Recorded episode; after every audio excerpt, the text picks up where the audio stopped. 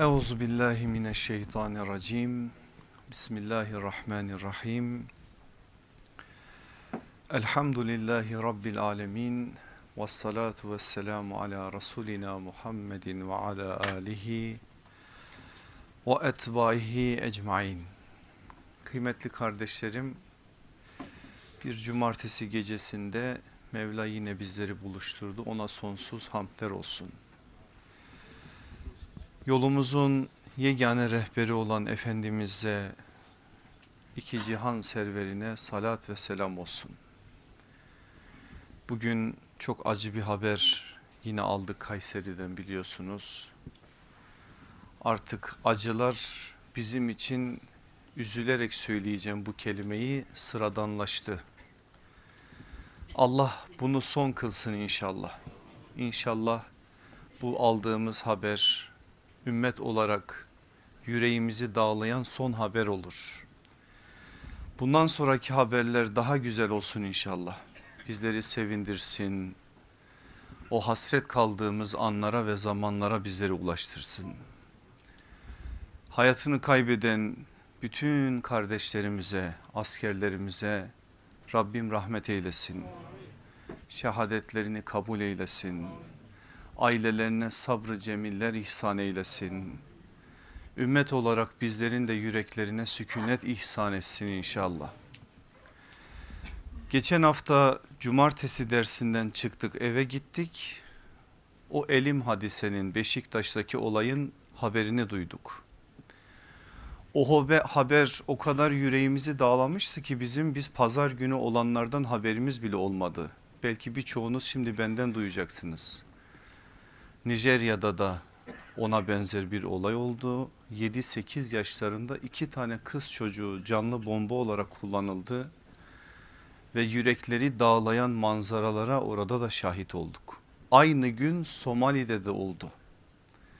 Ve Halep'in acısını zaten şu anda hepiniz yüreğinizde derin bir biçimde hissediyorsunuz. Halep'in sızısı öyle kolay kolay geçecek bir sızı değil. Ben size onu da buradan söyleyeyim zaten biliyorsunuz ama bir kez daha benden duyun. Bu acılar, bu sızılar biraz daha devam edecek. Ortalık böyle, ümmet olarak halimiz bu. İmtihanımız ağır, fitneler ağır ve biz ağır dönemlerde yaşamak zorundayız. Allah bize sormuyor. O el hakim her şey onun iradesinde bizi bu dünyada ve bu zamanda bu çağda ve bu mekanda yaşamamızı murad etti. İmtihanlarımızı biz seçmiyoruz ki. Biz kendi seçtiklerimizle mükellefiz. İmtihanlarımızı kendimiz belirlemediğimiz için imtihanlarımız hakkında ileri geri konuşmaya da hakkımız yok. Ama belirlenen ve bize tayin edilen şey neyse biz bu ikisinin çerçevesinde meseleye bakmak durumundayız. Halep'in o sıcak gündemi olduğu zaman bazı gençlerimiz kardeşlerimiz ki onlar da çok iyi niyetle ben biliyorum onların samimiyetinden zerre miktarı şüphem yok. Hocam ne yapıyorsunuz ne yapıyoruz ne yapacağız diye soruyorlar ve bazen de belki bizi kınayacak bizi farklı bir biçimde değerlendirecek cümleler de söylüyorlar. Ben de onlara şunu söylüyordum ben işimi yapıyorum Allah Resulü sallallahu aleyhi ve sellem dedi ki kıyamet kopsa elinizdeki fidanı dikmeye çalışın. Benim elimde bir fidan var.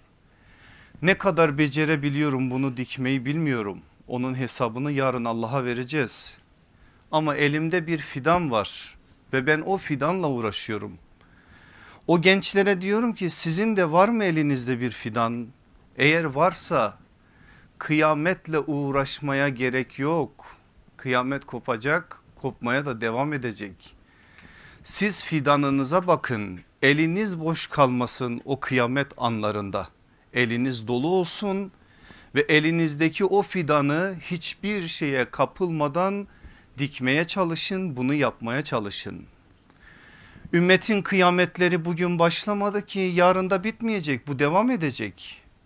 Hazreti Osman'ın şehadetiyle beraber ümmet ilk kıyameti yaşadı biliyorsunuz kıyamet bizde iki, iki şekildedir. Bir toplumsal içtimai kıyamet var. Bir de kevni o büyük kıyamet var. O büyük kıyamet son saat en sonda o gelecek. Ama toplumsal kıyamet devam edecek etmeye sonuna kadar da o kevni kıyamete yaslanana kadar da bu iş bu süreç süre gelip gidecek. Hazreti Osman'ın şehadetinin olduğu anda peygamber şehrinin sakinleri kıyametimiz kopuyor dediler. Hatta bazıları bu herhalde ümmeti Muhammed'in vardığı son büyük kıyamet olsa gerek dediler ama öyle değildi. Aradan bir müddet geçti Hazreti Ali'nin döneminde de aynı şeyler söylendi. Hazreti Ali o büyük fitnelerle karşı karşıya kalınca herhalde ümmetin kıyameti bu, bu dendi o da değildi. Aradan bir müddet geçti Hicri 60'a yaslandı tarih gerçekten İslam tarihinin en acı hadiselerinden bir hadise yaşandı Kerbela hadisesi. Kerbela hadisesinin hemen arkasından da ümmet dedi ki herhalde kıyamet bu olsa gerek o da değildi. 3 yıl sonra Kerbela'nın acısı daha dinmeden tarihe ta, Harre vakası diye geçen o büyük kıyamet yaşandı. O anı yaşayan Medine sakinleri budur kıyamet dediler. Bundan daha büyük bir kıyamet olur mu? Ama o da değildi. Ondan sonra Emeviler döneminde neler yaşandı neler. Allah bir zalimi bir başka zalimin eliyle ortadan kaldırdı. Neler yaşandı neler. Mezarlar açıldı, mezarlardan kemikler çıkarıldı, ifşa edildi. Neler yaşandı neler. Her yaşayan kıyamet bu dedi ama kıyamet o değildi. Sonra İslam toplumu, İslam ümmeti çok büyük bir imtihanla karşı karşıya kaldı. Haçlı istilaları İslam coğrafyalarını kasıp kavurdu. Öyle ki o 80 küsür yıl boyunca ümmetin çekmediği cefa, görmediği eza kalmadı. Her seferinde ümmet kıyamet dedi, kıyamet dedi, kıyamet bekledi. Ama Allah bir yiğit çıkardı adı Nüreddin Zengi'ydi yüreğine İslam birliği sevdasını koydu. Kalktı oturdu o sevdayla kalktı oturdu o sevdayla bir sancıyı yüreğinde çekti. Allah o sancıyı Selahaddin gibi bir yiğidin doğmasına vesile kıldı. Ve şarkın en sevgili sultanı olan Selahaddin 88 yıl süren Kudüs'ün ezanı Muhammedi'den mahrum olduğu zamanı Hittin savaşının arkasından Kudüs fethiyle bitirdi. Ümmeti biraz olsun güldürdü. Ümmet biraz güldü az bir şey güldü arkasından bir acı daha Moğollar ve Tatarlar diye bir çekirge sürüsü gibi İslam ümmetinin başına çöreklenen o ordularla o istila güçleriyle karşı karşıya kaldılar. Kütüphaneler mi yakılmadı? Hanelere mi girilmedi? Hanımların ırzına mı geçilmedi? Neler neler Moğolların yaptıkları Haçlıların yanında hiç kalır. Öyle şeyler yaptılar ki saatlerce anlatıp saatlerce üzerinde ders çıkarabiliriz. Ümmet yine kıyamet dedi ama kıyamet yine kopmadı. O an kıyametti. Sonra arkasından 1260'da Ayncalut Savaşı'nda İz bin Abdüsselam gibi hem bir alim hem de bir mücahidin o meydandaki konuşmalarında Seyfettin Kutuz gibi aslen köle olan ama yüreği imanla tutuşan bir yiğidin eliyle Allah Moğolların istilasını durdurdu ve ümmeti güldürdü. Sonra neler yaşadık saysam saatlerce konuşabiliriz ümmetimizin bu dertlerini. Endülüs'ü mü yaşamadık hem sevinciyle hem acısıyla Selçukları mı yaşamadık? Hem acısıyla hem tatlısıyla. Osmanlı mı yaşamadık? Hem acısıyla hem tatlısıyla. Neler neler yaşadık? Ve öyle bir döneme geldik ki hilafet merkezi olan bu topraklar ezanı Muhammediyi asli dili olan Arapçadan Türkçe'ye çevirerek dinlediler yıllar boyunca. Elimizdeki harfler alındı. Ümmetin kıyameti bu dendi Yine kıyamet o günkü kıyametti. İçtimai kıyametti. Yine kopmadı. Yine kopmayacak. Yine kopmayacak Allah'ın izniyle. Yüreğimizdeki bu umut hiçbir zaman bitmemeli. Gün gelecek. Halep'in bütün tarlalarında çiçekler açacak Allah'ın izniyle. Gün gelecek. Bağdat'ın o güzel bahçeleri güle doyacak Allah'ın izniyle. Gün gelecek Musul'un topraklarında çocuklar güzel güzel oynayacak Allah'ın izniyle. Gün gelecek Kudüs'ün semaları yeniden ezanı Muhammediye'ye kavuşacak Allah'ın izniyle. Gün gelecek sadece İslam beldeleri değil dikkat buyurun benim aziz kardeşlerim sadece İslam beldeleri değil dünyanın dört bir köşesinde vaat onun söz onun ben o sözü aktarıyorum her çadıra kıldan tüyden yapılmış her çadıra kerpiçten kiremitten yapılmış her eve Allah Muhammedun Resulullah ismini ya izzetle ya zilletle koyacak. Gün gelecek bütün bir alem imanla tanışacak. Vaat onun söz onun biz de buna iman etmişiz. Demek ki gün gelecek su akacak yatağını bulacak. Taş düşecek menziline ulaşacak ve o gün asıl ümmeti Muhammed'in yüzü gülecek. Allah bizi o günler vardırsın. Amin. O günlere kavuşmak için elimizdeki fidanları muhafaza edenlerden etsin. Amin. Allah bu ümmetin şu kadar derdi varken imtihanlarını kaybedenlerden etmesin. Amin. Benim bundan ödüm kopuyor. Biliyorum ki siz benden daha fazla korkuyorsunuz. İnşallah biz ümmeti Muhammed'in şu acılı günlerinde şu fitne günlerinde tefrikaya malzeme taşıyanlardan olmayız. İnşallah yatanlardan olmayız. İnşallah oturanlardan olmayız. İnşallah koşanlara çelme takanlardan olmayız. İnşallah elindeki fidanı ucuza satanlardan olmayız. Fidanı ufacık bir imtihan görünce elinden çıkaranlardan olmayız. Fidanı ucuza satıp başka sevdalara gönül kaptıranlardan olmayız. Fidan sulanması ister, sulanmak ister. O sulanmayı terk edenlerden de olmayız. Allah bizi okçular tepesi olarak nerede istihdam etmişse oranın gerçek manada hakkını vererek bu manada bazı şeyleri yapanlardan oluruz. Aziz kardeşlerim konumuz belli bu konuştuklarım da konumdan çok uzak değil. Ama istiyorum ki bu mukaddime faslını ben biraz daha uzatayım. Yüreğimde bir feryat var. O feryadı eğer kırmazsam sağı solu bir şekilde size ulaştırmak istiyorum. Ne yazık ki biz bugün İslam ümmeti olarak bazı şeyleri tam anlamıyla anlayamıyoruz, göremiyoruz, algılayamıyoruz. Düşman iki alanda bizi iki de bir sırtımızı yere getirebilecek bir minderes çekiyor. Eğer siz bu iki alanı kendiniz korumazsanız ve kendiniz o alanı muhafaza etmezseniz düşman zaten fırsat bekliyor. Çünkü insan genelde iki anda çok hata yapar. Acısı çok olduğu anda hata yapar. Sevinci çok olduğu anda hata yapar acıları ve sevinçleri düşman kollar ve oradan vurur. Eğer biz acılarımızı ve sevinçlerimizi kendimiz yönetmezsek başkaları alır onu başka yerlerde kullanırlar. Çok uzun uzun tahlilini yapmadan yakın bir zamanda şahit olduğumuz bir olay üzerinden size bir şey söylemek istiyorum.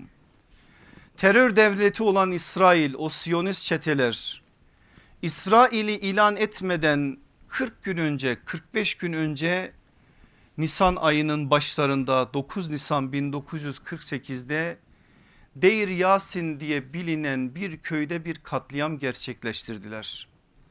Bu katliamda 107 tane Filistinli şehit edildi. Bu İsrail'in yaptığı o bölgede yaptığı ilk katliamdı. Onun içinde ümmet toplandı o günlerde artık şu anda ne işe yarıyor bilmiyorum ama Arap Birliği diye bir birlik var. O birlikte tartıştılar Mısır'da şurada burada ve bu meseleyi dünya kamuoyuna taşıma noktasında bir karar aldılar. Bu karar masumane bir karar mıydı yoksa başka bir şeyler mi arkasından güdüyordu onu ben bilmem. Ben sonuçlar üzerinden bir şey konuşmak istiyorum. Dediler ki bu çok büyük bir katliam ama biz bu katliamı biraz daha büyütelim biraz daha dehşetvari bir biçimde dünya kamuoyuna sunalım. Biraz daha farklı bir biçimde sunalım ki İsrail'in Filistin topraklarında yapmak istediği bu soykırımın aslında neyi amaçladığı konusunda bir dünya kamuoyu oluşturalım ve böyle yaptılar. 107 insan daha fazla gösterildi. Kadınlara tecavüz ediliyormuş gibi haberler yayıldı öyle bir biçimde sunuldu ki BBC, BBC o zamana kadar hiç bu kadar bu haberin üzerine eğilmedi. Onun servisiyle dünyanın tamamı bu haberden haberdar oldu ve bu haber günlerce tartışıldı.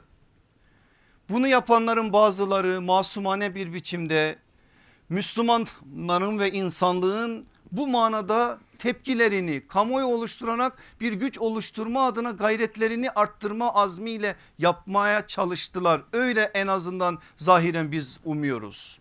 Ama ne oldu biliyor musunuz?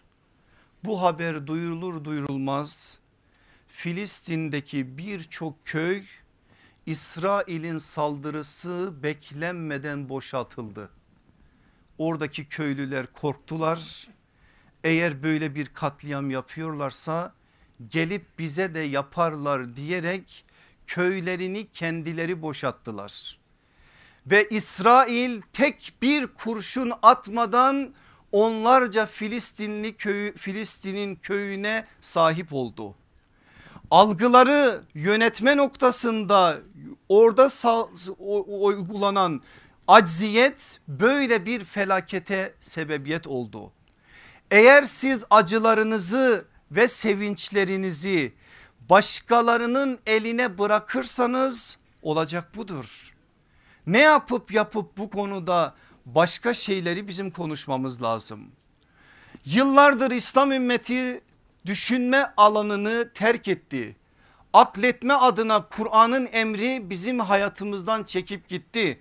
Bizim şu anda en az yaptığımız şeylerden bir tanesidir tefekkür etmek. Meselelere bir bütün olarak bakmak, bakmak, hikmetle bakmak, basiretle bakmak, ferasetle bakmak bunların hepsini kaçırdık. Kaçırdığımız için de meseleyi getirdik sloganlar üzerine bina ettik. Hamaset hayatımızı kuşattı ve düşman bunu fark ettiği anda bizim oradaki zafiyetlerimizi kullanmaya başladı. Ben basit bir örnek vermek istiyorum size meseleyi biraz daha anlayabilmemiz için. Halep'te bizim Şam da bizim, Kudüs de bizim, Bağdat da bizim. Bizim şehirlerimizin arasında bir fark yok. Bir Müslümanın yüreğinde coğrafyanın haritaların sınırları yoktur. Allah eğer yeryüzünü bir Müslümana mescit olarak verdiyse bizim göksümüzdeki yüreğimizdeki coğrafyaların sınırları bir dünyanın tamamıdır. Bugün Halep yanıyor. Ben yarın desem ki arkadaşlar Hadi bir Kudüs gecesi düzenleyelim. Belki şu salonu dolduramayacak kadar insanla karşı karşıya kalacağız. Bugün Halep yanıyor hissiyatımız Halep'li olduğu için hadi Halep dediğimiz zaman binlerce belki yüz binlerce insan toplayacağız. Ama yarın bu ateş biraz söndüğü an hemen unutmaya başlayacağız. Birilerinin servisiyle bizim yüreklerimiz harekete geçiyor.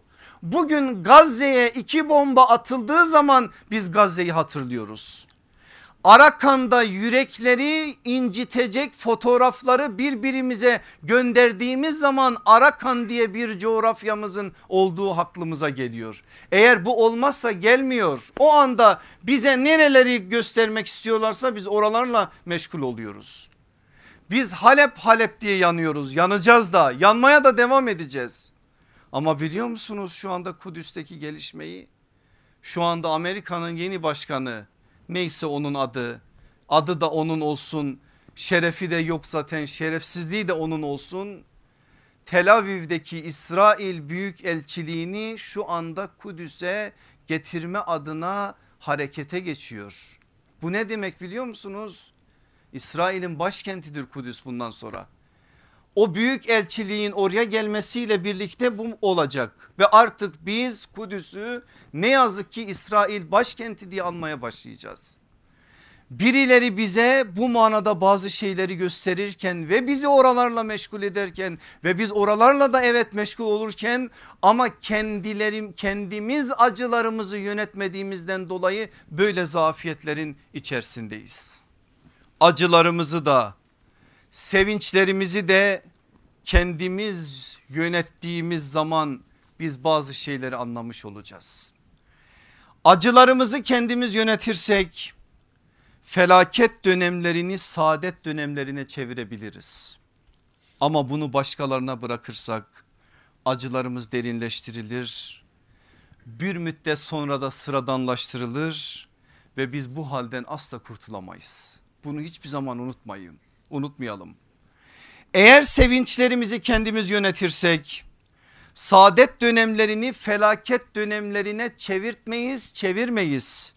Ama bunu başkalarına bırakırsak o sevinçler kursaklarımızda kalır. Devamiyetini kaybeder ve ümmet olarak kendimize olan özgüvenimizi ne yazık ki yitiririz. Allah bizi bu hallere düşürmesin. Ben örnek vermek istiyorum.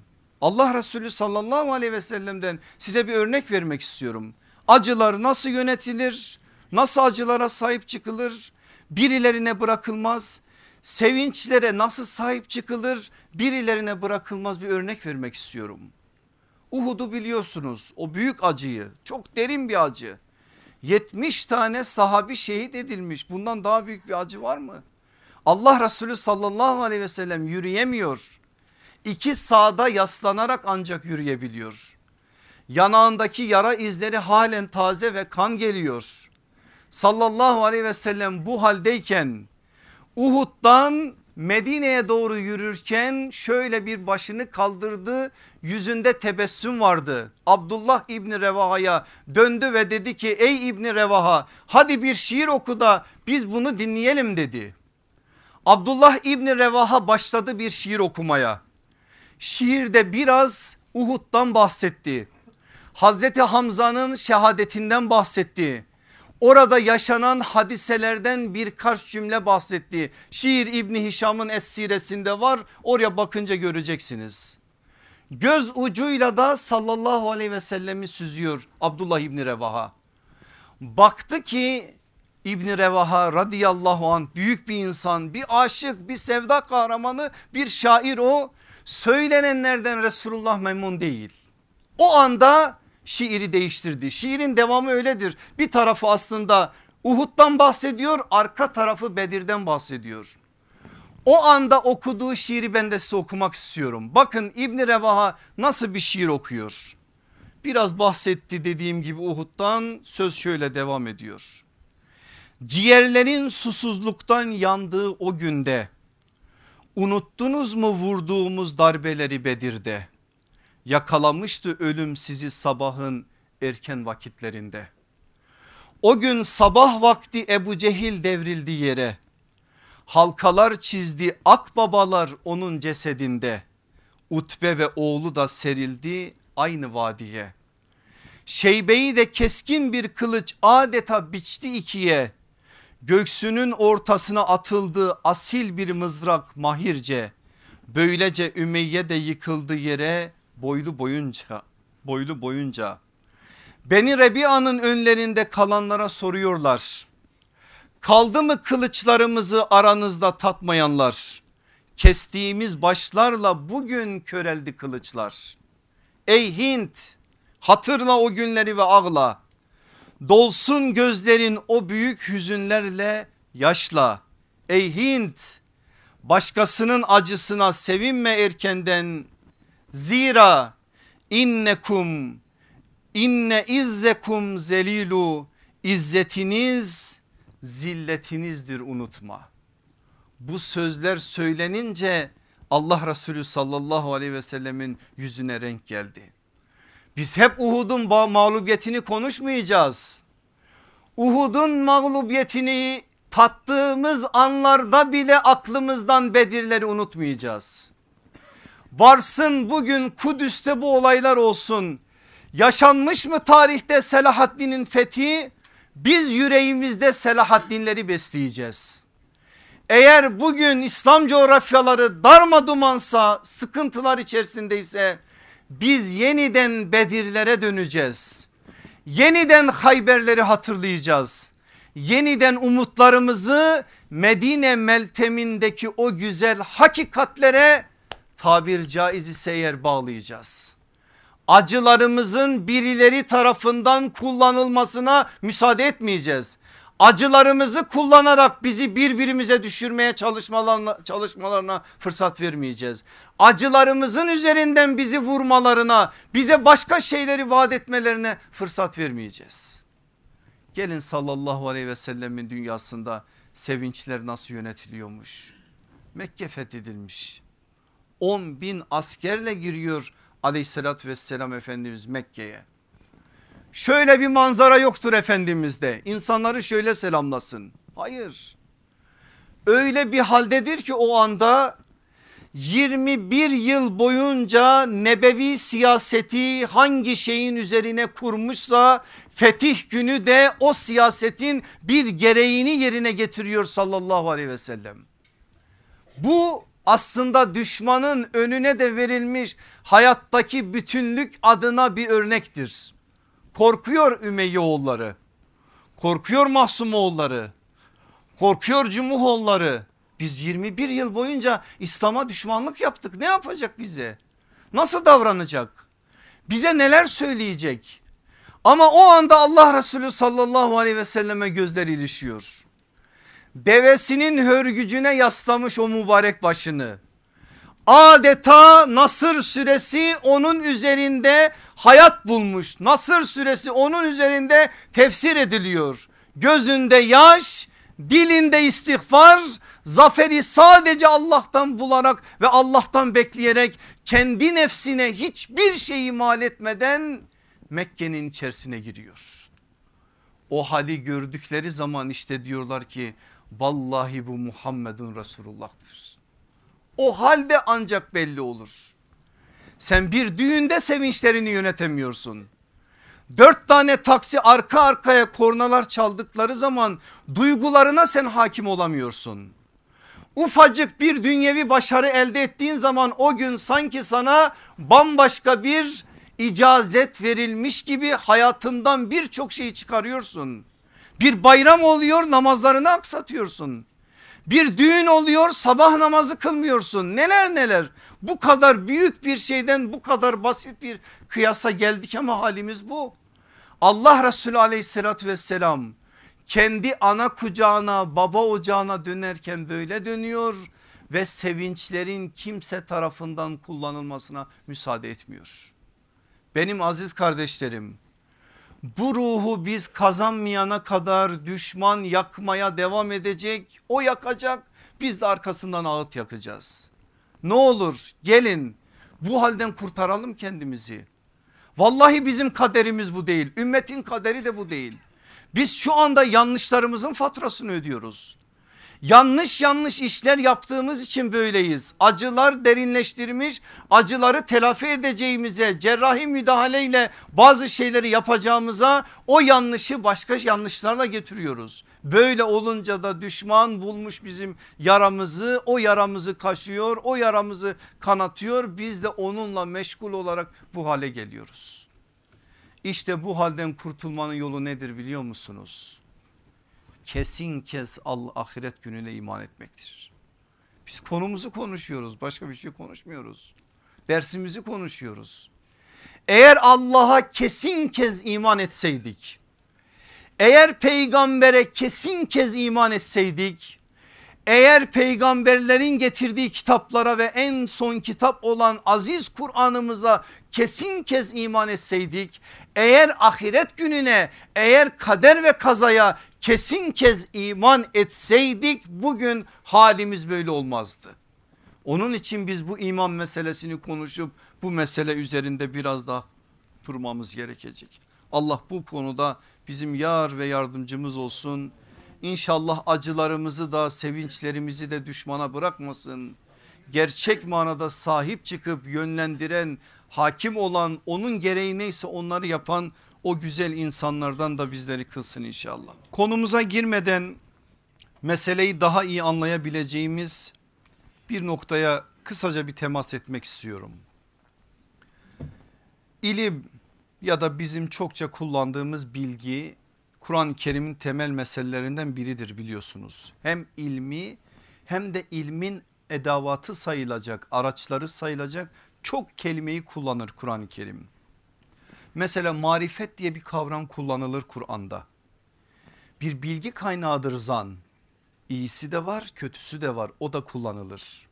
Hars sat ile tahmin o da bir bilgi kaynağıdır. O da Kur'an'da kullanılır. Rayb korku ve şüphe ile beraber bir şeyleri taşımak. Bu da kullanılır Kur'an'da.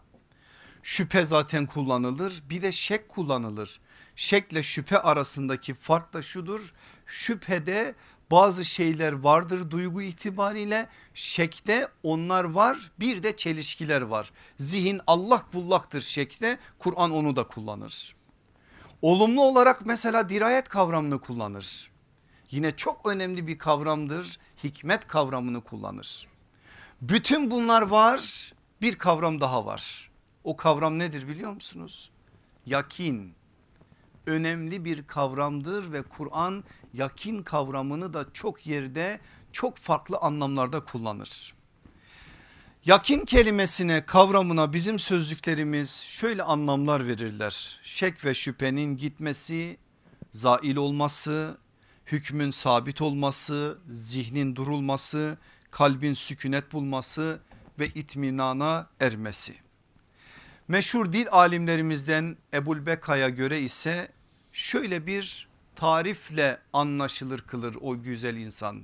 Der ki suyun havuzda durup istikrarlı olması gibi ilim de kalpte yok olmayacak şekilde kesin delille yerleşmesi oturup iyice sağlamlaşmasıdır. Bir havuza gidiyorsunuz ya da bir denize mesela varsa dalgalar orada yakin yok. Dalgaların durulması böyle bir sükunet halinin oluşmasıdır aslında kıyas onu söylüyor. İmam Gazali de rahmetullahi aleyh buna benzer bir şey söylüyor. Yakinin aslında kendisinde şüphe edilmeyecek kadar sağlam delilden hasıl olan marifet bilgi anlamında olduğunu söyler İmam Gazali. Sonra da kelam bilginlerince alimlerince şüphe ve, ve ihtima, şüphe ihtimali karışmayan itikat olduğunu belirtir. Yani biraz istilahi manasına da dikkat çeker. Kur'an-ı Kerim'de bu önemli kavram 8 kez isim olarak 20 kez çeşitli türevlerinde toplamda 28 kez geçer. Birkaç farklı anlamı var ki üç temel anlamı şudur yakinin. Şek ve şüpheden uzak olan kesin bilgi, sağlam sarsılmayan şüphe ve tereddüt bulunmayan itikat ve iman bir hak olan ölüm. Yakin ölüm anlamında da kullanılır Kur'an'da hak olduğu için kesin geleceği için böyle kullanılır. Biliyorsunuz yakin dediğimiz zaman hemen aklımıza gelecek üç mertebe var. İlmel yakin, aynel yakin, hakkal yakin. Aslında sıralama da böyledir. Birincisi bilginin kesin kez sana ulaşmasıdır. Mesela örnek verelim de anlaşılsın. İşte diyelim ki biriniz künefeden bahsediyor. İşte künefe şöyledir şöyle bir tatlıdır içinde peynir vardır üstünde şu vardır söylüyor kaymağı şudur. Siz görmemişsiniz ama anlatıyor anlattığı anlatan insana karşı bir şüphe duymuyorsanız o tarif üzerinden bir bilgi elde edersiniz. Ne zaman getirir o anlatılan size gösterilir? Ne olur o? Aynel yakin olur. Artık siz gözünüzle görürsünüz. O anlatılan ilim o bilgi gözünüzle de desteklenerek aynel yakin olur. Ne zaman ki o künefeden bir dilim yersiniz evet anlatılan budur de, diyerek bu sefer içselleştirmiş olursunuz. O iş hakkal yakin olur. Bu mertebe mertebe ilmel yakinden başlar hakkal yakine varır iman noktasında da önemli bir mertebedir. Allah o mertebelere de gerçek manada bizleri ulaştırsın. Kolay mı? Valla kolay değil ama bu iş ancak belli bir biçimde gayret göstererek kul olarak belli çabaları ortaya koyarak ondan sonra da Allah'ın yardımını umarak isteyerek bu manada elde edilebilecek bir şey. Rabbimiz iman meselesinde bizden yakin bir iman istiyor içinde hiçbir şüphe olmayan, tereddüt olmayan, asla acabalı meseleye bakmayan, Allah ne diyorsa kesin kez inanarak o inancının da bir gereğini ortaya koyarak bunun oluşmasını istiyor. Bu yakin meselesi o kadar önemli o kadar önemlidir ki aleyhissalatü vesselam efendimizin dualarına bakın benim aziz kardeşlerim şöyle bir bilgi göreceksiniz. Aleyhissalatü vesselam efendimiz o güzel dualarında hidayet ve afiyetten sonra en fazla Allah'tan istediği şey yakindir. Bazen yakin afiyetin de önüne geçer. Bazen yakin gerektirdiği şeyler ve kazandırdıkları kazandırdığı bazı durumlardan dolayı sallallahu aleyhi ve sellem efendimizin o mübarek dilinden hiç düşmez. Bakın örnek vereyim size. Devir Hazreti Ebu Bekir'in hilafet günleridir. Tam bir yıl olmuş aleyhissalatü vesselam Efendimiz vefat edeli. Birçok hadis kaynağında geçen bir rivayeti aktaracağım şimdi sizlere. Ey insanlar diyor Hazreti Ebu Bekir Mescid-i Nebevi'de insanlara hitap ediyor. Ağlamaya başlıyor konuşamıyor. İnsanlar bekliyorlar ki Ebu Bekir bir şey söylesin. Bir müddet sonra gözündeki yaşı siliyor ve şunu söylüyor. Geçen yıl Resulullah sallallahu aleyhi ve sellem tam bu noktada size hitap etmişti. Aklıma bir anda o geldi onun için ağladım diyor. Bir müddet sonra kendini toparladıktan sonra diyor ki ey insanlar Resulullah sallallahu aleyhi ve sellem bir yıl önce burada konuşurken şu sözleri söyledi. Ben de aynı sözleri size aktarıyorum. Doğruluktan ayrılmayın. Zira doğruluk iyilikle beraberdir. Yani doğruluk iyiliği kazandırır. İkisi de insanı cennete götürür. Yalandan sakının zira yalan kötülükle beraberdir. Yani yalan kötülükle beraber gelir kötülüğü getirir ikisi de sahibini cehenneme götürür. Allah'tan afiyet dileyiniz sallallahu aleyhi ve sellem konuşuyor. Zira kişiye yakinden sonra verilebilecek en hayırlı şey afiyettir.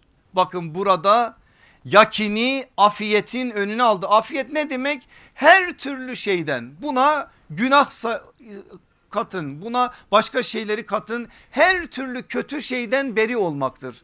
Afiyet olsun deriz ya yemekten sonra oradan işte her türlü şeyden beri olasın selamette olasın anlamında. Allah Resulü sallallahu aleyhi ve sellem de diyor ki Allah'tan afiyet dileyiniz. Zira kişiye yakinden sonra verilebilecek en hayırlı şey afiyettir. Söze dikkat edin Allah Resulü aleyhissalatü vesselam sanki bizim halimize hitap edercesine her sözü öyledir de halimiz bugün böyle olduğu için bu sözler bizim için daha önemli. Birbirinizle ilişkiniz, ilişkilerinizi kesmeyiniz. Birbirinize sırt çevirmeyiniz. Birbirinize kin gütmeyiniz. Birbirinize haset etmeyiniz. Ey Allah'ın kulları Allah'ın istediği gibi kardeşler olunuz. Sallallahu aleyhi ve sellem bu sözleri söyledi diyor Hazreti Ebu Bekir yine gözyaşlarını tutamıyor. Rivayete bakabilirsiniz Ahmet bin Hanbel'in müsnedinde Tirmizi'de İbni Mace'de. Bir başka rivayeti aktarıyor İbn Abbas bize Resulullah'ın yakin istediğine dair. Kaynağını vereceğim ne olur gidin tamamını okuyun ben hepsini okumayacağım. Ama neredeyse böyle yarım sayfayı biraz aşkın bir duadır ki peygamber sallallahu aleyhi ve sellemin o güzel o kutlu dualarının en güzellerinden bir tanesidir. Duada şöyle bir şey söylüyor İbn Abbas diyor ki ben bir gece sine şahit oldum Resulullah'ın namazını kıldıktan sonra ellerini açtı ve şu duayı yaptı. O duayı öylece naklediyor bize. Duanın bir yerinde de şunu söylüyor. Allah'ım bana yakin bir iman ver ki arkasından gelebilecek bir küfür olmasın. Arkasından gelecek bir küfür olmayan bir yakin iman sallallahu aleyhi ve sellemin talebi. Bana dünyada ve ahirette senin ikramına erebileceğin bir rahmet ver. Allah'ım senden hüküm ve bağış gününde kurtulmayı, şahitlerin derecelerine çıkmayı, saadetli kimselerin yaşantısını ve düşmanlarıma karşı yardımı senden isterim. Allah'ım ihtiyaçlarımı sana arz ediyorum. Görüşüm kısa vallahi biz oyuz biz öyleyiz görüşüm kısa amelim zayıf olsa da senin rahmetine muhtacım. Ey bütün işlerin hakimi ve tüm gönüllerin mutlak şifa vereni denizleri birbirine karışmaktan koruduğun gibi beni de cehennem azabından ve cehennemde çığlık atmaktan ve kabir azabından koru. Dua devam ediyor. Ben ortadan bir yeri aldım. Başında da bambaşka şeyler söylüyor sallallahu aleyhi ve sellem arkasında da bambaşka şeyler söylüyor. Ama ne istedi? Yakin bir iman istedi sallallahu aleyhi ve sellem Efendimiz. Bu duaya da Tirmizi'nin davat babının 30 numaralı hadisinde göreceksiniz. Şimdi benim aziz kardeşlerim hepinizin çok iyi bildiği Bakara suresinin ilk 5 ayeti bir mümin kimliğini bize takdim ediyor. Orada bazı şeyler söyleniyor ki zamanı kullanmak için girmeyelim. Dördüncü ayete gelince وَالَّذ۪ينَ يُؤْمِنُونَ بِمَا اُنْزِلَ اِلَيْكَ وَمَا اُنْزِلَ مِنْ قَبْلِكَ ve bil ahireti hum yuqinun diyor. Onlar ki sana indirilene ve senden önce indirilene iman ederler. Ahirete nasıl inanırlar? Kesin kes. Yakin bir biçimde de ahirete inanırlar. Eğer böyle inanırlarsa felaha ererler diyor. Evet öncesi var namazlarını kılarlar sana kendilerine verilen rızıktan Allah yolunda infak ederler. Söylüyor söylüyor ondan sonra da kitaplara iman meselesini söylüyor. Başında gaybe iman da var arkasından ahirete imanı da söyleyerek kurtuluşun yolunu gösteriyor. Biz ne dedik? Ahirete iman kesin kes kurtuluştur. Eğer iman edersek Kur'an'ın bizden istediği gibi Allah'a iman noktasında bu manada zafiyet taşımazsak inşallah kurtulmuş olacağız. Allah bizi o kurtulanlardan etsin inşallah. Hatırlar mısınız bilmem.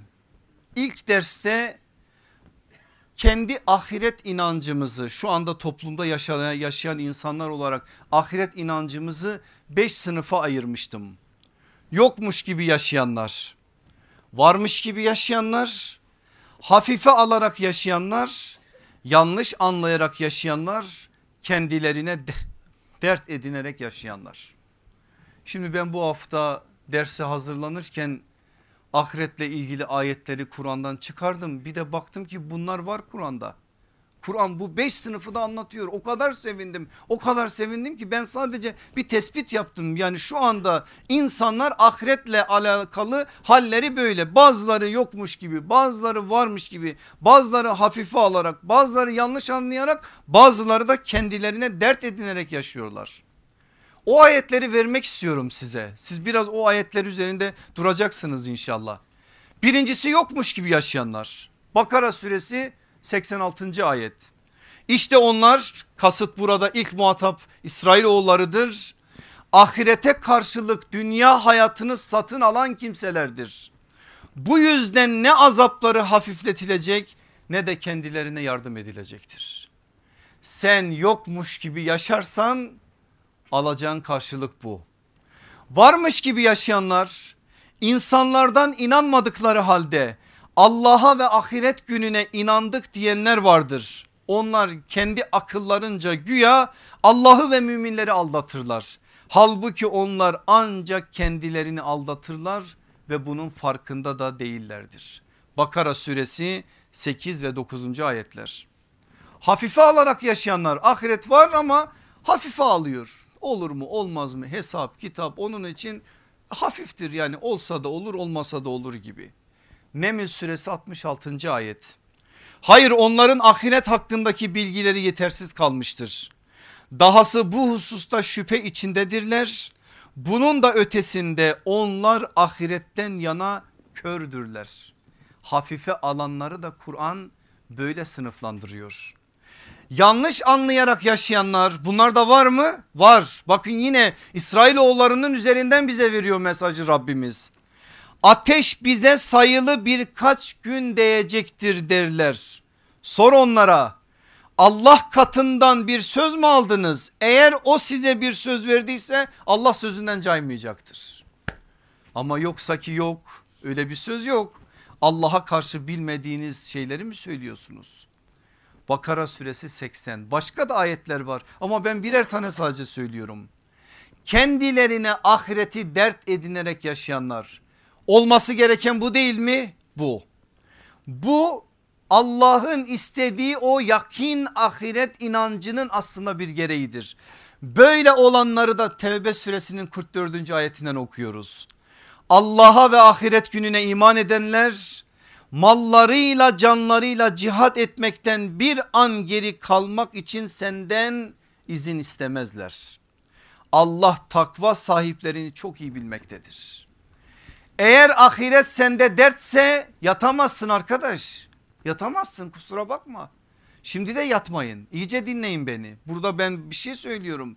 Bir dert söylüyorum burada. Gerçek manada bir dert söylüyorum. Ben konuştuğum için değil şu anda burada temel bir meseleyi konuştuğumuz için hepimiz çok daha farklı bir biçimde dinlemek durumundayız. Çünkü imanımız artsın diye bunları dinliyoruz. Ben bilgimiz artsın diye bunları anlatmıyorum. Zaten bilgi ocağımızı batırmış bugünlerde. Çok bildiğimiz için bu haldeyiz. Bizim asıl meselemiz malumat furuşluk değil.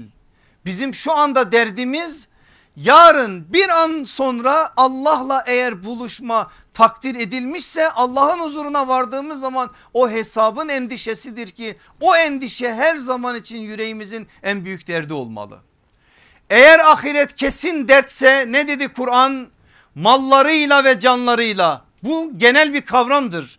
Allah yolunda mallarıyla canlarıyla can dediğin zaman sadece işin zirve hali olan şehadeti düşünme. Şehadet adama yatakta gelmez. Sen şehit gibi yaşarsan Allah sana o ölümlerin en güzelini nasip eder. Şehadet adına bir sevdan olur ama bu sevdaya varma adına da sen ortaya bir şeyler koyarsan Allah sana o güzel ölümü getirir nasip eder. Gayret olmadan yakin bir ahiret inancından bahsedilmez. Eğer gerçekten ahirete inansaydık toplum olarak bir milyarı aşkın Müslümanız şu anda. İnansaydık halimiz böyle olur muydu? Ben inansaydık ne olurdu diye size bir şeyler söylemek istiyorum. Ne olur dikkatle dinleyin. Bakın bugün zafiyetlerimizi de konuşuyoruz burada. Eğer ahiret bizde dert haline gelseydi ne olurdu biliyor musunuz? Adalet duygusu hayatın tamamını kaplar. Hakkaniyet elbisesi olur. Teraziyi her daim korumaya çalışır. İnsanlarla hak hukuk konusunda adalet meselesinde yüreğimizde bir dert gelir oturur. Bir şey yapıyorsun değil mi? Birini kırdın, bir ticaret yaptın, ortaklık yaptın, haklar girdi araya. Ortada bir haksızlık var. Bu memlekette yaşıyorsun dünyada yaşıyorsun.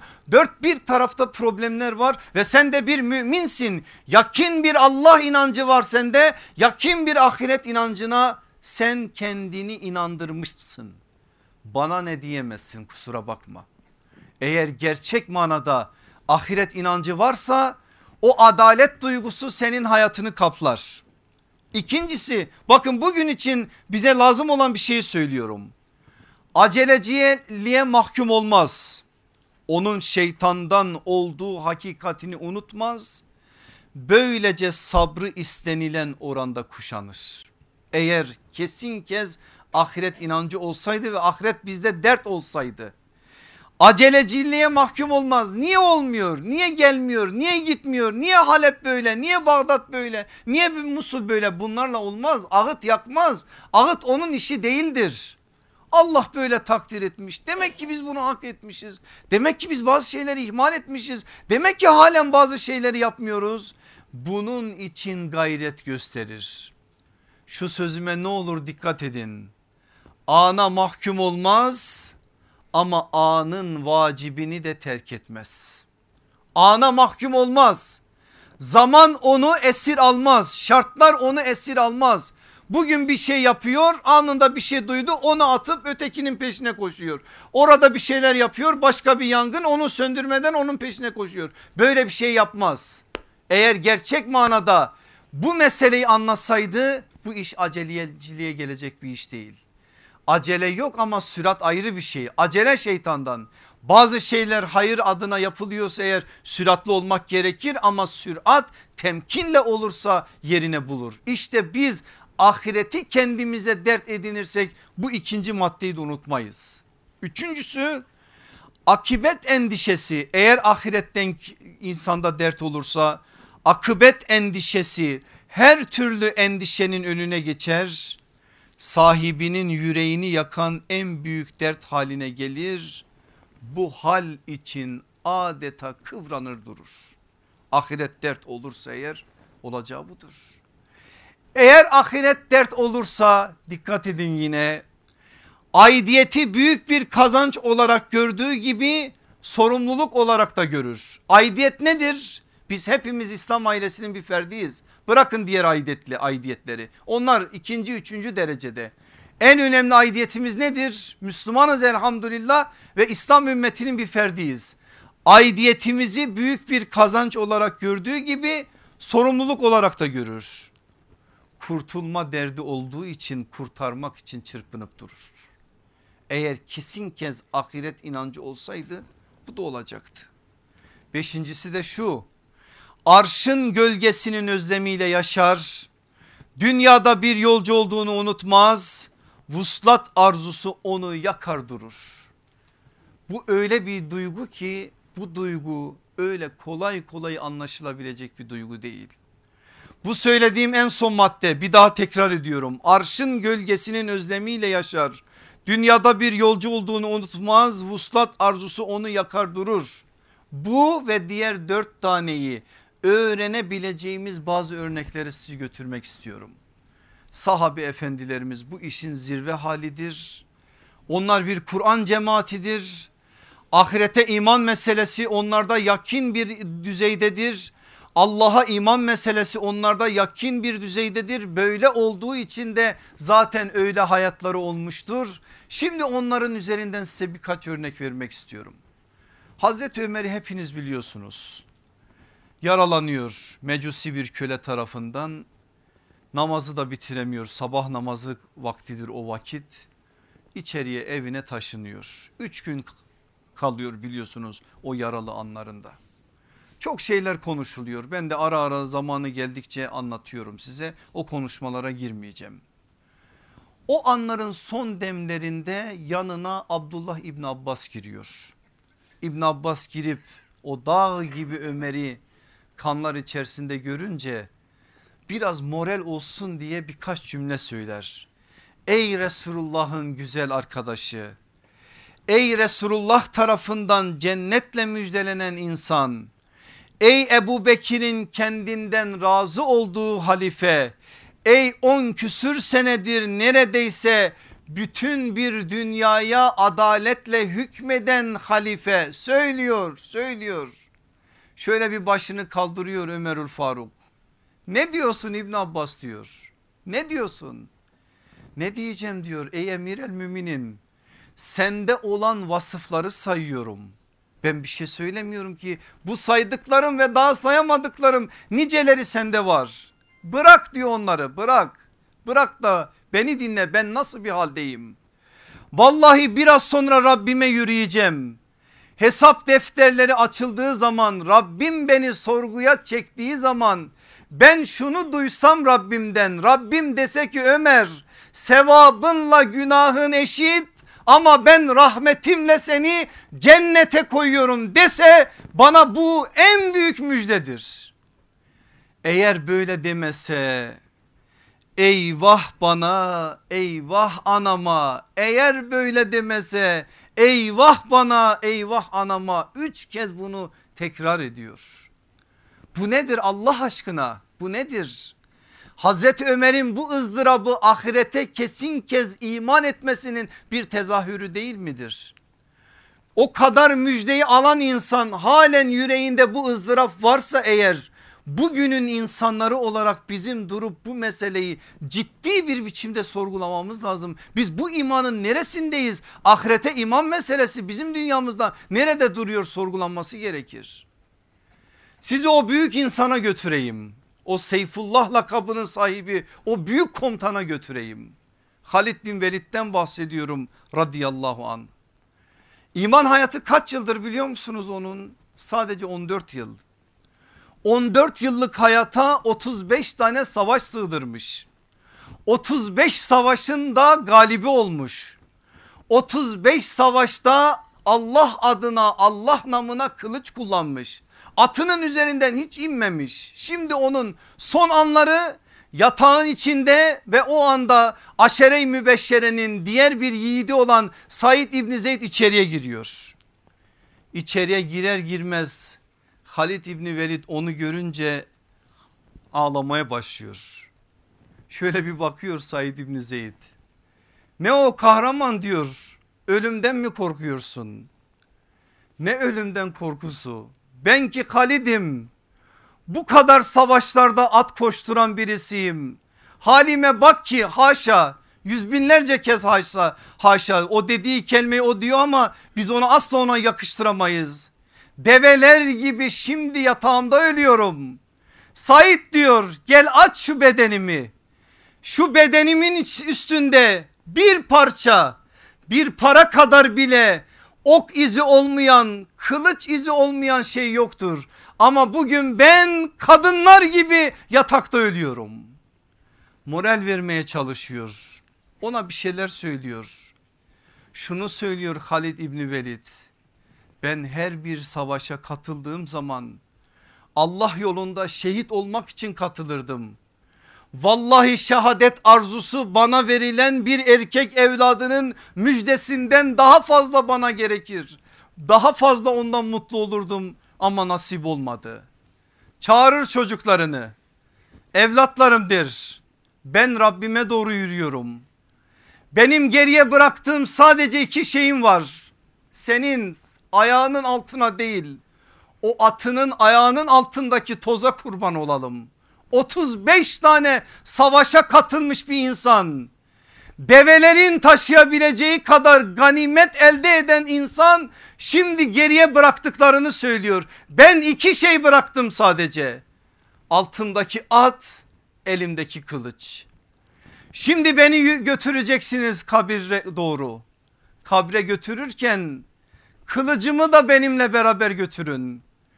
Beni kabre koyduğunuz zaman biri de elindeki kılıçla oradaki taşa vursun. Ben kılıç sesini duya duya kabirde defne olayım. Çünkü kahramanlar kılıç sesinden hoşlanır. Beni bundan mahrum etmeyin. Rabbime son yürüyüşümde kılıç seslerini duyarak gideyim. Sonra da bu atımı ve kılıcımı Ömer'e götürün. Halit sadece bunları bıraktı diyerek ona emanet edin. Aynen öyle yapılır. Hazreti Ömer'e kılıçla at götürüldüğü zaman ah Halit'tir böyle yüreğinin tellerine dokunacak kadar. Said İbni Zeyd de onun arkasından der ki hamd ederek yaşadığı bahtiyar bir yiğit olarak da öldü gitti. Allah ondan da geri kalan bütün ashab-ı kiram efendilerimizden de ebeden razı olsun. Ümmetin hakimi Ebu Derda'ya sizi bir götürmek istiyorum. Onu da tanıyorsunuz. Tanıtmaya gerek yok. Son anlarıdır. Yanına giriyor dostlarından birisi. Bakıyor ki durumu hiç iyi değil. Ne yapıyorsun diyor. Şikayetin nedir? Ümmetin hakimi konuşuyor. Günahlarımdan çok şikayetçiyim diyor. Diyorlar ki gönlün ne istiyor? Allah'ın rahmetini ve cennetini. Sana doktor çağıralım mı diyor. Zaten doktor beni yatağa düşürdü diyor. Bana kim şifa verecek ondan başka? O anlarına şahit olan hanımı Ümmü Derda ellerini açıyor ve şöyle bir dua ediyor. Allah'ım diyor bu dünyada Ebu Derda beni istedi sen beni ona nasip ettin. Ben de öte dünyada onu senden istiyorum orada da sen bizleri cennetini al diyor. O anda Ebu Derda gözünün yaşını siliyor ve diyor ki eğer evlenmezsen benden sonra ve sabredersen inşallah Allah ikimizi cennette birleştirir. Böyle bir halde vasiyetini yaparak yürür Ebu Derda. O insanların ahiretle alakalı hayatlarında var olan şey bir gariptir. Gerçekten anlamakta zor, anlatmakta zor. Size bir kadından bahsedeyim bir İslam kadınından ama öncesi de var sonrası da var.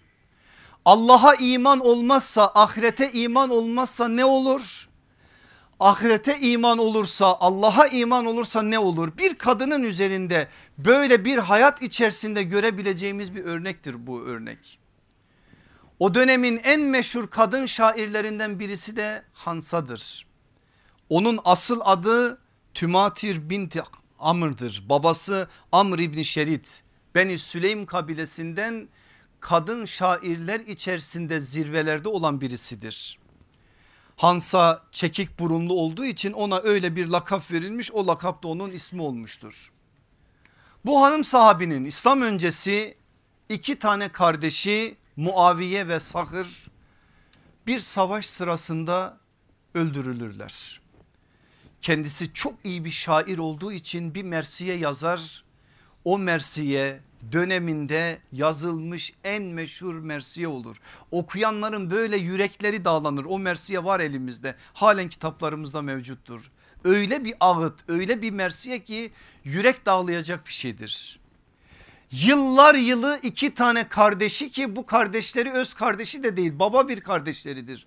Bu iki kardeşinin arkasından gözyaşı döker. Öyle gözyaşı döker, öyle gözyaşı döker ki insanlar artık onu teskin etmeye bir türlü ge gelemezler. Artık bıkar insanlar Hansa'dan hep bu matemi bu yası duydukları için. Bir müddet sonra Allah iman nasip edecek bu kadına. Allah kendisinden ebeden razı olsun.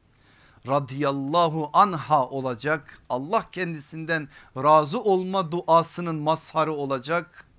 Allah Resulü aleyhissalatü vesselam da bazen Hansa oku bakalım bize o şiirlerden diyerek bazen ona şiirler okutacak. Bir müddet sonra da Allah ona dört tane erkek evlat verecek. O dört tane erkek evlat büyüyecek. Hazreti Ömer zamanında Kadisiye Savaşı'na katılacak.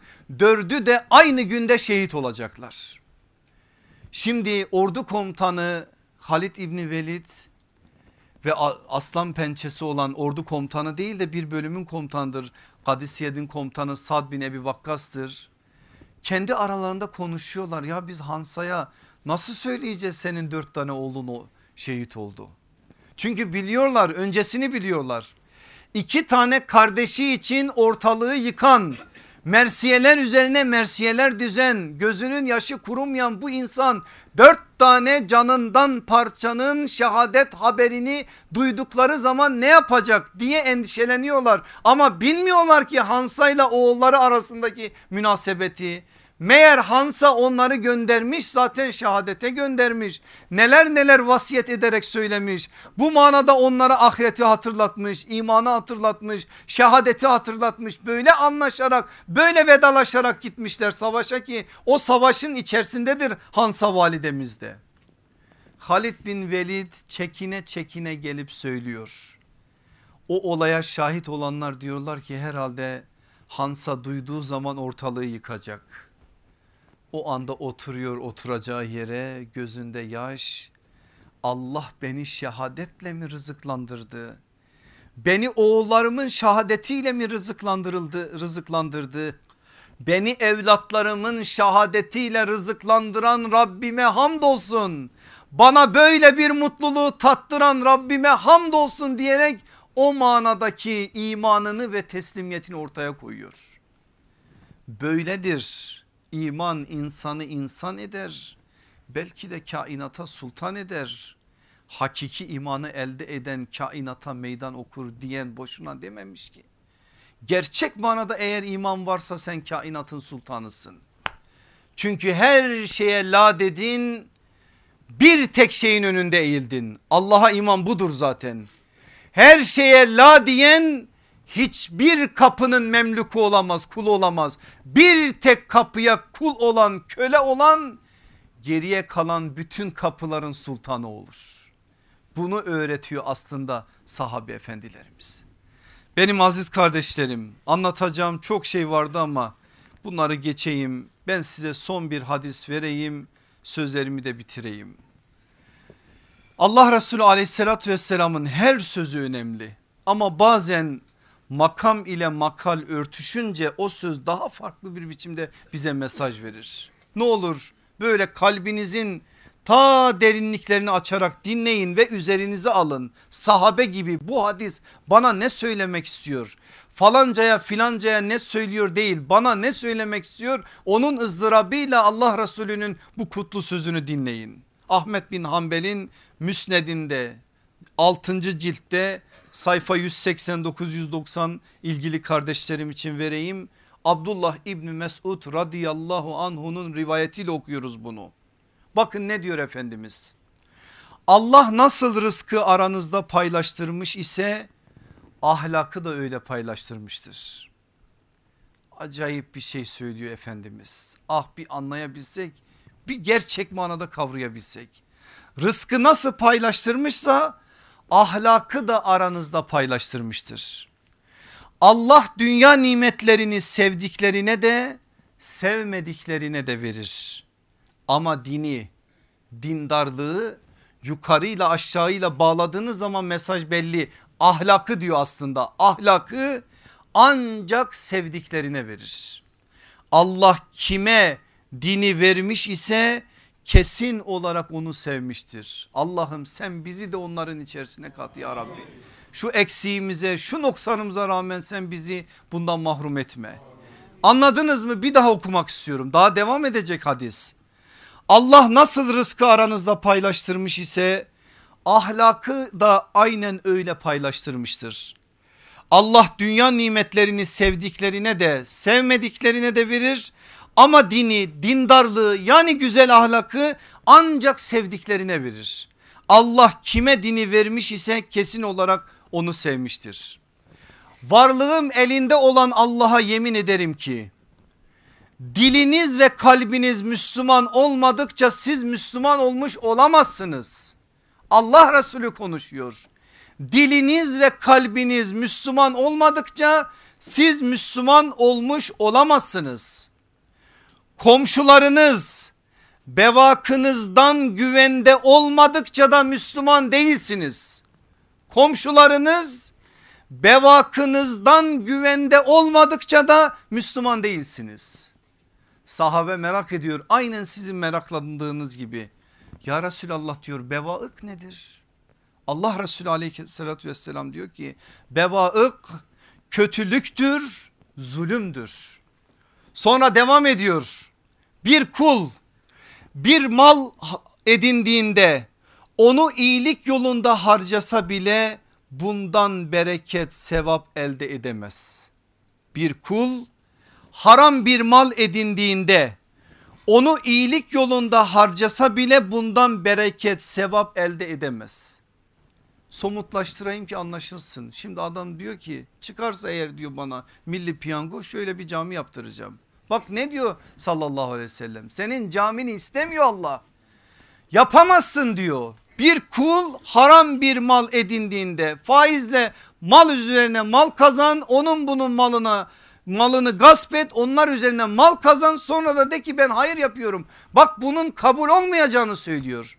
Bir kul haram bir mal edindiğinde onu iyilik yolunda harcasa bile bundan bir bereket sevap elde edemez. O malı Allah rızası için tasadduk etse bile bu bir ibadet olarak kabul edilemez. Son kuruşuna kadar yapsa yine de böyledir. Hepsini Allah yolunda tasadduk etse yine karşılığı yok. Ölüp de geride bıraktığı bu haram kazanç ve harcama ancak ona cehennem yolculuğunda azık olur. Dehşet bir ifade söylüyor sallallahu aleyhi ve sellem. Ölüp de geride bıraktığı bu haram kazanç ve harcama ancak ona cehennem yolculuğunda azık olur. Allah kötülüğü kötülükle günahı günah ile yıkamaz gidermez. Kötülüğü iyilik ve meşru amel ile giderir. Habis pis olan şeylerle pislik temizlenmez. Sadaka Resulullah sallallahu aleyhi ve sellem. Her sözünde doğru söylemiştir. Bu sözünde de doğru söylüyor. Sadece bu hadis üzerinde bir düşünsek, bir tefekkür etsek. Biraz bu manada vereceğimiz hesap meselesi gelse böyle yüreğimizde o dert haline gelse nefsimizi karıştırdığımız için nelere nelere sebebiyet verdiğimiz işleri adam gibi bir sorgulasak Ah o nefsi bir ayaklar altına alsak bu ümmeti de kurtaracağız kendimizi de kurtaracağız. Allah kaybedenlerden etmesin kazananlardan etsin. Cenab-ı Hak daha güzel günlere bizleri eriştirsin. Ellerimizdeki fidanların kıymetini bilmeyi bizlere nasip eylesin. O fidanları koruyup geleceğe arkamızdaki insanlara gerçekten daha güzel günler emanet edebileceğimiz işlerde bizleri istihdam etsin. Bizi bir lahza bile nefsimizle baş başa bırakmasın. Velhamdülillahi Rabbil Alemin. El Fatiha.